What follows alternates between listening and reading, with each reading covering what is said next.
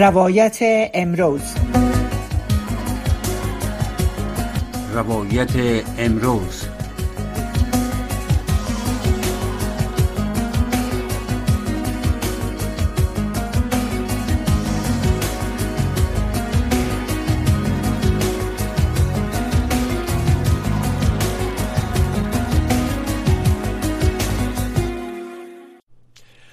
شنوندگان عزیز سلام شب همه شما بخیر. حفیظ آصفی هستم و خوشحال هستم با تقدیم برنامه روایت امروز بار دیگه با شما هستم. رقمی که می‌فهمین یک شنبه و دوشنبه ها در چنین ساعت برنامه های روایت امروز اختصاص داره به مسائل فرهنگی و هنری. یکی از دانشمندان میگن ملتی که فرهنگ نداره روح نداره. کم وقت است که در رسانه ها در مورد هنرمندان اهل قلم نویسنده ها هنرپیشه ها صحبت شوم. ما تصمیم گرفتیم که در این برنامه با صحبت هنرمندای خود باشه و از اونا در مورد کارها در مورد فعالیت هایشان و در مورد آنچه میگذره در افغانستان صحبت بکنیم. امشب از یک هنرمند بسیار مشهور و نازنین دعوت کردیم که بسیار با میربانی دعوت ما را قبول کردن و پای صحبتشان هستیم. جناب آقای عقل شاه پیمانی که یکی از ممثلای ورزیده رادیو افغانستان است که طی سالهای دهی پینجا با اجرای نمایشنامه کمدی تانست که چیره موفق و مشهور از خود بسازم. او هنوز در مکتب غازی بود که در محفل هنری ماره و پوانتون روی استیج ظاهر می شد و هنرنمایی می‌کرد. بگذارن که همه یک چیزا از زبان خودشان بشنویم. آقل شاه پیمانی سلام با شما. به نهایت تشکر که دعوت مرا پذیرفتین. صدای مرا میشنوین. سلام آقای آزفی عزیز جان سپاس از که از هنرمندای تقاوتی به هنرمند دیگه تقاوت نمی‌کنه. برای که هنرمند که تو هنرمند قلب مردم است او تا, تا, تا جهان هست زنده میمانه. از یک کار یک مامورک او که تقاوت کرد خلاص شد. اما هنرمند نمیشه.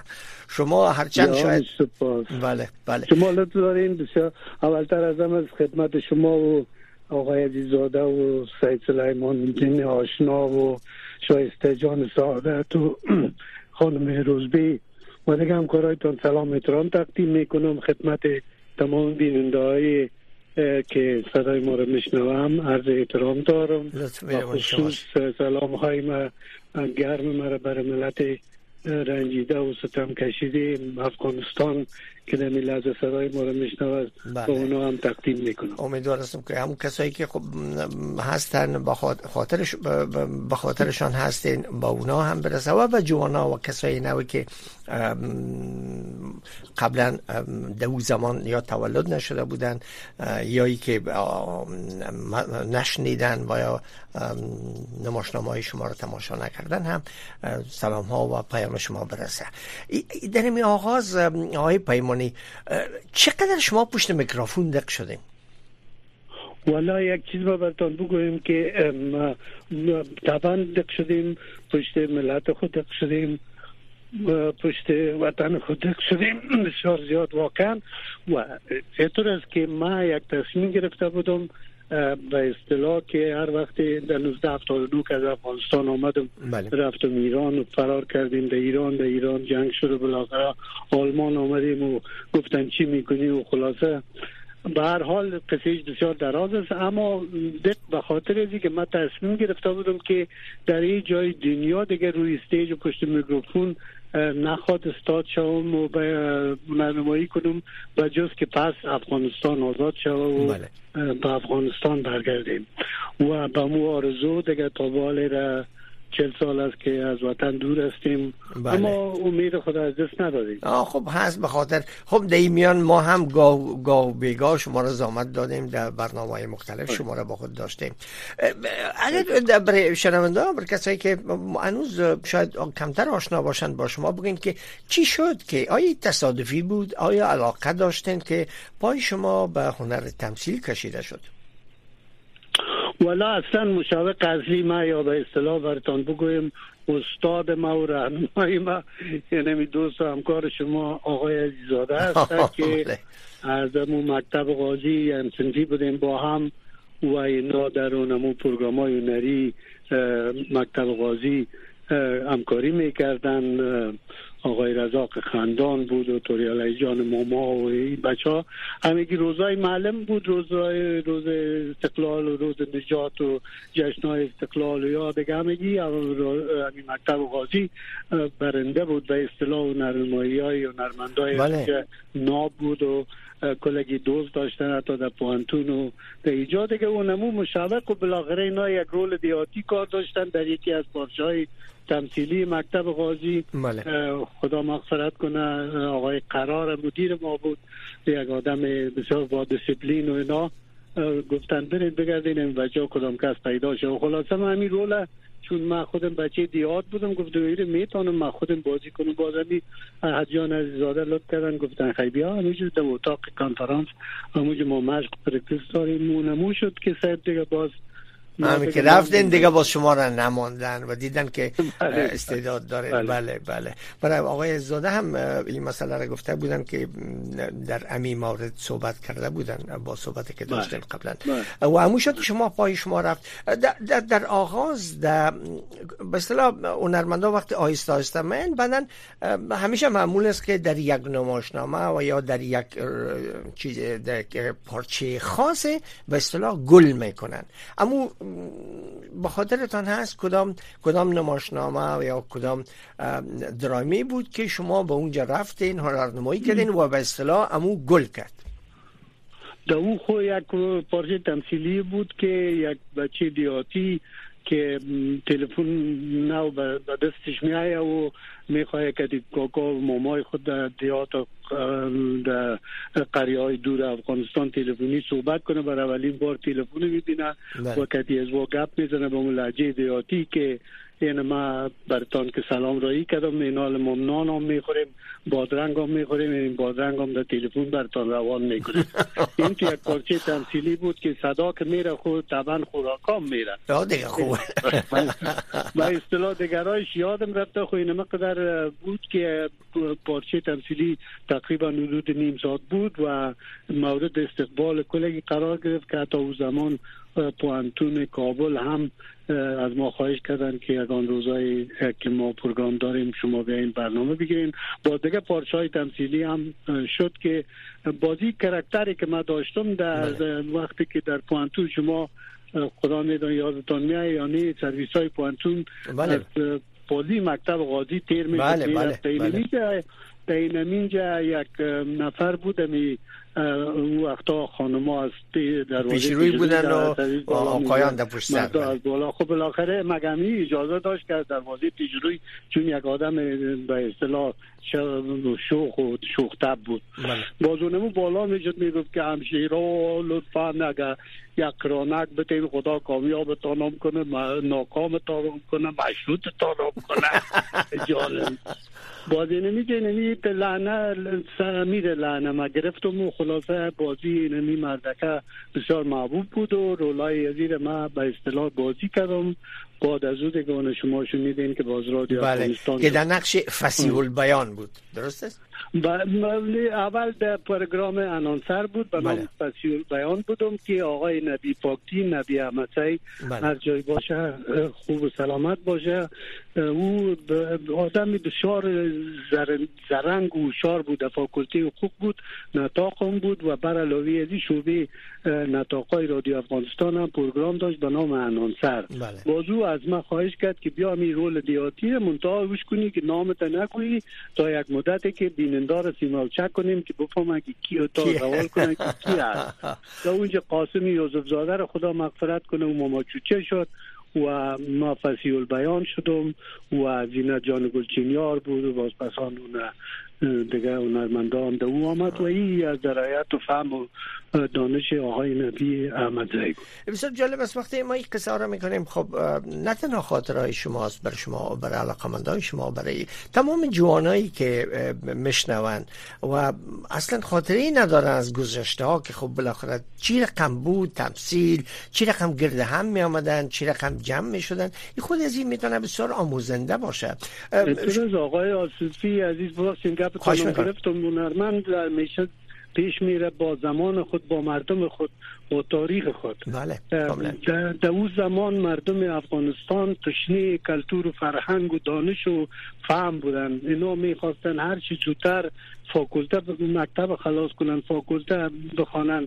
کتاب فروشی های به آرستان اینا یاد شما میاد کتاب فروشی ها کسوان کتاب خریدن نداشتن می‌رفتن کتاب میخریدن. در کتابخانه آمی کابل آقای شایان پدر فرید جان شایان اینجا استاد بود به اصطلاح می رفتیم کتاب می گرفتیم از اونجا به حساب اتیک امانت باز بله. این یک جنون بود در دل کل مردم افغانستان در اون زمان که خود به یک جای برسانه و در قدم اول ایجا از هنرمندای تمثیل و از آوازخانه و ناز زیاد قدردانی می‌شد که من هیچ وقت فراموش نمی سوال بعدیم بود که مثلا خب بعد از یک مدتی که یک هنرمند مشهور می‌شد یا بعد که میشناختنش یا اینا شما مثلا در اجتماع ظاهر می‌شدین شما وقتی می‌دیدن در آغاز خود تلویزیون نبود در آغاز وقت شروع کردین رادیو بود. بله، بله. در صحنه ها ظاهر می‌شدین در رادیو و در پانتون آیا مردم شما رو شناختن. واکنش مردم چقدر بود؟ آیا بسیار به تمسخر می‌دیدن به خنده و پیشانی باز استقبال می‌کردن از شما؟ شما یک ناز کنم خدمتون بسیار حتما خاطرهایی دارین در این مورد. بسیار بسیار حالا در اینجا دو گروه از مردم ما داشتیم. یک گروه مردمی بودن یک تعداد روشن فکری که زیاد روشن فکر بودن اما روشن فکری ازی که به دیگرها هم یک احترام بگذارن بله. ما مورد استقبال همی گروه بودیم که اینا می‌خواستن یک چیز یاد بگیرن کار می‌کردن زحمت میکشیدن شب در دفتر خانه خود که میامدن یا پروگرام ها پنج بجه دیگر نشر می‌شد یا رادیو دراما اینا می‌خواستن یک خوشی داشته باشن و ما موفقیت مایی بود که ما در, در اجتماع می‌رفتیم. از جمع مردم مواد جمع می‌کردیم از رستوران ها از بو سرویس ها از ادوتوریم ها از کتابخانه ها از پوانتون از سرک ها بازار کابل از بوریا فروشی گرفته تا باقلی مردان اینجا. می‌رفتیم این چیزها رو از اونا یاد می‌گرفتیم می آمدیم با بله خب هنر بالاخره آینه اجتماع بود دیگه. آن چیزی که در اجتماع می بله بله چیز ما از دل خود نمی گرفتیم این تو پس زمان استاد امان اشکیز آمد که یادش گرامی باشه. استاد با شرف انسان خوب. و ای هم امی پروگرام زا قلم روی کار بله، و بله. دیگه او دور هم ما میشیشتیم آقای عزیزاده آقای عظیم جسور به اصطلاح فرزند قاسم یوسف زاده نجیب جان یوسف زاده این نفرات دور هم میشیشتیم موضوعات میاوند هر کس پیشنهاد خود می‌گفت. یک از گفته شما که میگن به انگلیسی script جور می‌شد. هر کس نظر اونجا یک, یک چیز درست جور می‌شد. بله. یک چیزی از خب با هم میشیشتین و یک script جور می‌کردین بعدا نور حتما رئیس هنر و ادبیات می‌دید یا مدیر هنر و ادبیات. به اصطلاح. و باز. رولا تقسیم می‌شد و می‌رفتید پشت میکروفون این خب یکی از برنامه هایی بود که مسلسل مرزا قلم که با استقرار جمهوریت شادروان محمد داود خان آغاز شد و شهرت فوق العاده یافت. با خاطر من که من اون زمان در رادیو می‌رفتم می‌گفتن چند بوجی خط برای شما میآمد هر هفته؟ واکنش مردم. همینطور بود؟ واقعا. واقعا. شما باور کنین یک نفر بود به نام سید احمد اعلال که روان شاد باشه.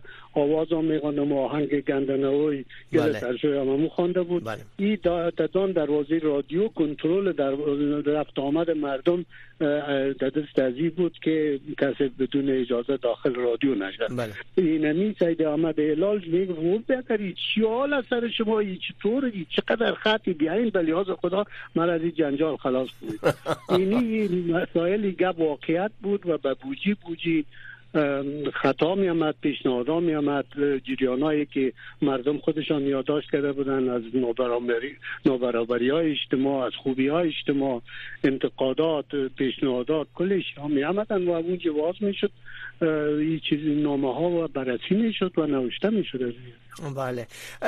شما در این حال خب من از سوال کردم از شما در مورد واکنش در اجتماع برخورد مردم با شما. بله. فامیل چطور بود؟ برای که بعضا متوجه هستن که بعض هر چقدر در گذشته ها بریم اما قدر فامیلا محیط خانوادگی بسته و محدود بودن و فامیلا بیشتر علاقه داشتن که اولادشان درس خوان باشن می کمی که بیشتر گفتن بله. مکتب برو فاکولته برو دکتر مهندس بله باشه بله. و بعضا خوششان نمی آمد که مثلا هنرمند شوه فرزندشان یا خواننده شوه یا مثلا ممثل شوه واکنش اطرافیان و فامیل شما چطور بود؟ والا فامیل ما یک اینطور بود اینا مردم ما مردم دیستی مردم فغمان اما مردم فغمان متاسب مردم نبودن. یک تعداد بسیار کم متاسب بودن. فامیل خود ما پدرم روان شاد باشه بسیار زیاد خودش آدم خنده روی مذاقی و بسیار به اصطلاح خوش خوش خوش صدا بود بله. یعنی او بسیار علاقه داشت که ما در اونجا برم پارچه تمثیلی یار البته بدون اجازه از او ما نرفتیم که مشوره کردیم که بله. مرا می‌خواین که در رادیو افغانستان رو برن این رقم و بود برای اجازه داده بود اما در پغمان بود یک تعداد مردمایی که او بچه تو دیشان رفته و در دراما و یا این مسخرگی و برای پدر ما او چیز بسیار بی تفاوت بود. برای که وقتی می‌دید که ما چی می‌کنم عملا چی است و ما کی هستم؟ و او تربیه از پدر نازنین بود که ما در راه راست رفتم راه کج انتخاب نکردم و فقط برای نه که ما اجتماع را اصلاح کنم. نه خوبی ها و بدی ها را بریم چنگ بزنیم بکشیم زیشتی ها را بکشیم خوبی ها را به مردم نشان بدیم که مردم به مبارزهشان برسن خدا خدا خوشا با حال شما که چون این فامیل داشتین و پدر نازنینی که مشاور بله. شما بود و این بسیار مهم است. محیط فامیلی همواره در در در, در رشد استعدادها و, و هر آنچه مهارت هایی که یک جوان داره کمک می‌کنه. شما بی از این نگاه بسیار بسیار بسیار چانس داشتین. شما نمایشنامه‌تان بیشتر در کارهای هنریتان در حیطه کابل پوانتون و اینجا بود یا ای که بعضا هم به ولایات می‌رفتین و از زمانی که بسیار سوال به جای به جا و بسیار حالا سوال کردین از این زمانی که مرحوم داوود خان شما خودش خودتان یاد کردیم. روان شاد داود خان که قدرت آمد مثل ازی که به اصطلاح یک انقلاب قدرت, قدرت تبدیل قدرت شد ریاست جمهوری شد افغانستان. یک انقلاب آمد در امی به اصطلاح کلتور و فرهنگ یعنی یک انقلاب فرهنگی گویا. یعنی واقعا امیر میتون آدم انقلاب فرهنگی بگویه و اینجا درایت و اهلیت ظاهر ویدا آمد در میدان انداخته شد که ظاهر ویدا با آقای خداوند مغفرت کنه. رئیس رادیو را در اون زمان به اصطلاح می‌گفتند که بچه خانده داود خان مرحوم است. دیگه آمد و روی قدرت آمدن. و این زایر ویدار تلبیس رئیس رادیو زمان بله. و گفت که ما می‌خواهیم که امی رادیو از, از کابل برایه گفت که شما فقط بر ما صلاحیت بتین و یک گروپ نفر از هنرمندای تمثیل هنرمندای موسیقی و همچنان کسایی که sound و amplifier و میکروفون و اینا رو جور می‌کنن. دیگه شما بر ما امتیاز بدین و ما این کارا رو باز می‌کنیم. اونمون بود که آقای زایر ویدار به اصطلاح پروگرام های مسابقه زینی رو رواج داد که در ولایات و آقای زایر ویدار پروگرام هنری رادیوی ننداره را هم گرفتیم و بردیم از ولایات یعنی یک جای ما برتان بگویم که در جایی که نرفتیم بدخشان بود برای که در اونجا موتر نمی رفت تیاره بله. باید می بود و بودجه رادیو کم بود در اون وقت. اما دیگه تمام نقرات و قصبات افغانستان با مسابقات زیدی مزار و هیرات و آزایر و روان شد و با پروگرام های مرزا قلم قرات و قصبات حتی خوست رفتیم. خلاصه میمنه انخوی پل خمری شبرغان به اصطلاح گردیز پکتیا ننگرهار خلاصه کلش ها رفتیم و از اینجا هم پروگرام های live سایر ویدا تهیه می‌کرد که آقای احد زاده هم شاهد عینی هست پروگرام ها رو تهیه می‌کرد و می بردیم در میدان هوایی و منطقه. در تیاره ای پروگرام ها ثبت شده می آمد در رادیو و اینجا نشر می شد شما باور کنید در مکتب های دخترها همی یا لشکرگاه تا صنف دوازده دختر بچه در یک سنف درس می خوندن و به اصطلاح اینجا در زندان می رفتیم ما بندی ها رو مصاحبه می کردیم به اصطلاح در فابریکا می رفتیم سنگ رخام مثلا در علمند جایات این چیزها رو دیگه زیادتر اون آقای حدزادا می‌تونه بله. و, این بسیار جالب است که بله. بسیار جالب بود. شما بله. مثلا ببینید در 20 سال گذشته بسیار جنجال بود برای برای یک گروه هنری که سفر بکنن به خاطر مسائل امنیتی بله. و به خاطر بله. نگرانی از از دستبرد به اونا نگرانی از حمله حمله تروریست ها و دهشت افغانان. و دو وقت اینا اصلا این مثلا مطرح نبود. یعنی شما نگرانی نداشتین که خدای نخواسته کس حمله کنه سر شما؟ واقعا واقعا واقعا. هیچ حرفا نبود. دلت که تو شب می‌رفتی روز می‌رفتی دیگر می‌رفتی شام می‌رفتی تنها می‌رفتی با گروپ می‌رفتی. به هر جایی که می‌رفتی کسی به کسی کار نداشت یک مردم افغانستان بسیار مردم سنتی هستند وقتی که تو از یک شهر دیگه میایی در یک قریه یا در یک جای خودت به حیث یک میمان ازت استقبال می‌کنن. میرن قرض می‌گیرن. یک جای پول قرض می‌گیرن بیا که هنرمندا یا این نفرای میمان آمده در خانه ما. به خصوص مردم مزار و مردم ایرات و قندار نازنین مردم بودن که مدیون لطفا و محبت هایشان و, و, و آیا وقتی که شما نمایش می‌دادین در سالون ها مردم پر بودن تماشاچی ها زن و مرد و یا که مردم چندان نمی آمدن علاقمندی زیاد نبود چطور بود؟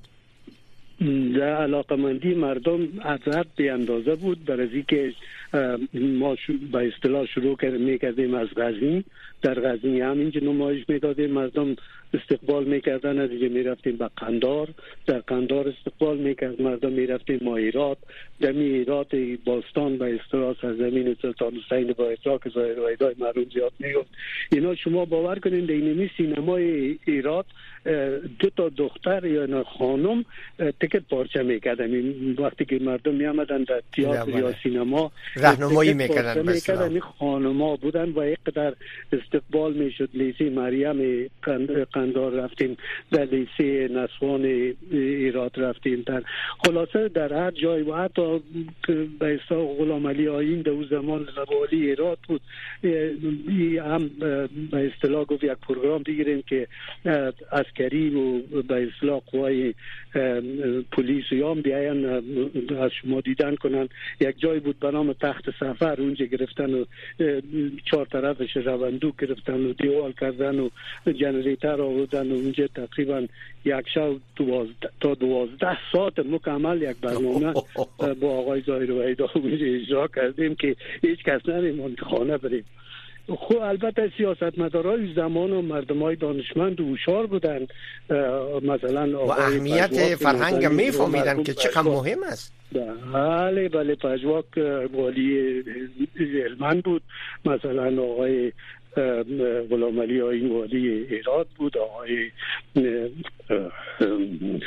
یادم رفتم والی مزار والی بلخ بود. اینا مردم های کلگی دانشمند و از اهل خبره و اهل نه تنها سیاست که در کلتور اینا زیاد توجه داشتن که مردم به کلتور خود آشنا شوند. بله خب و اینا نه تنها خب کمک می‌کرد مردم که اونا می‌دیدن و از از هنر لذت میبردن. در پالویش به گمانم یک نوع باهمی هم می‌شد که خب کابل جدا نیست از هرات هرات جدا نیست از قندار قندار از مزار.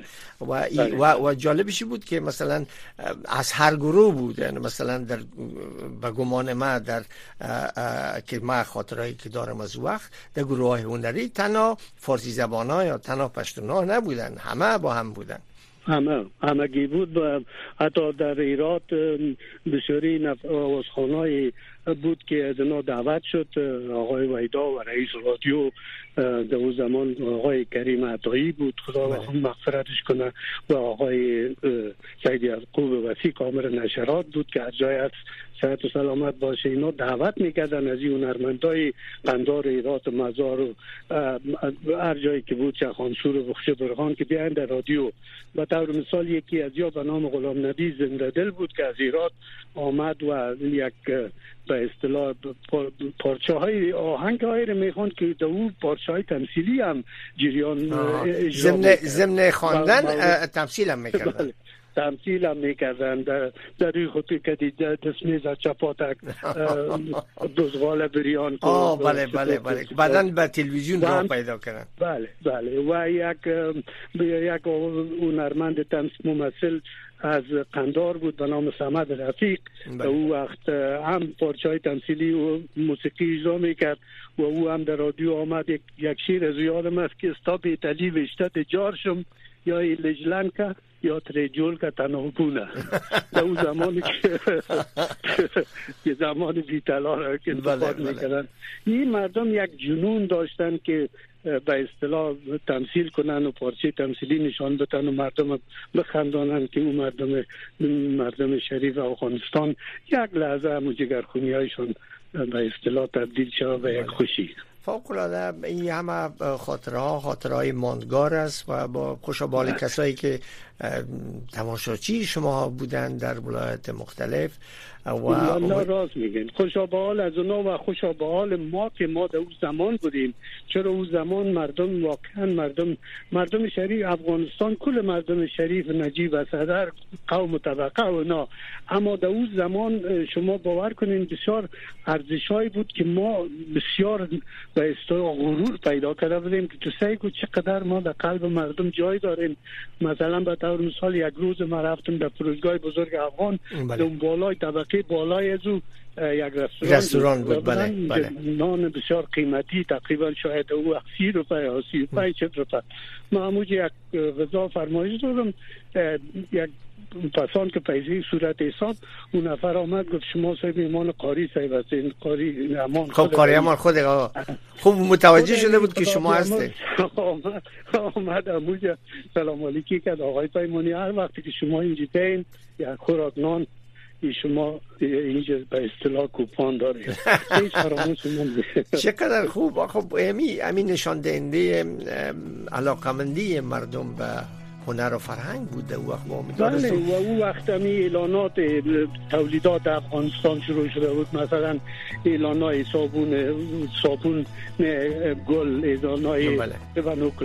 تیغ رشتراشی و مثلا چی و چی اینا هم در پروگرام های مسابقه زینی توفه ها رایی می‌کردن و اونا هم بسیار زیاد خوش داشتن که اعلان هایشان نشر شود و همچنان از طریق رادیو بودجه رادیو هم یک تقویه می‌شد که اینا اعلان می‌دادن کلی از یا پول دارایی بودن که بودجه رادیو رو بسیار تقویه کردن. بینایت تشکر متاسفانه صحبت بسیار خوش است و طولانی است اما وقت برنامه به همینجا به پایان رسید. انشالله در فرصت های بعدی بازم شما را زامت خواد دادیم. بینایت تشکر از شما جناب آقای عقل شاه پیمانی از اینکه دعوت مرا پذیرفتین و ساعت پای صحبت شما بودیم. خوش امیدوار هستم که شنونده هم از این چنان که ما لذت بردیم لذت برده باشند وقت خوشی بر شما آرزو دارم آقای پیمانی تشکر. شنوندگان عزیز ای بود داشته های برنامه که در همینجا به پایان رسید. اما نشرات پشتو و دری رادیو آشنا صدای امریکا همچنان ادامه دارم برنامه بعدی ما ستاسوغک صدای شماست که او را شما می‌تونید با گرفتن شماره 001 222 980 68 20 مستقیما تماس بگیرین. همکارایم بانو زیبا خادم و بانو فوزی احسان گرداننده ای برنامه هستند. امیدوار هستم تا برنامه ما را همراهی کنید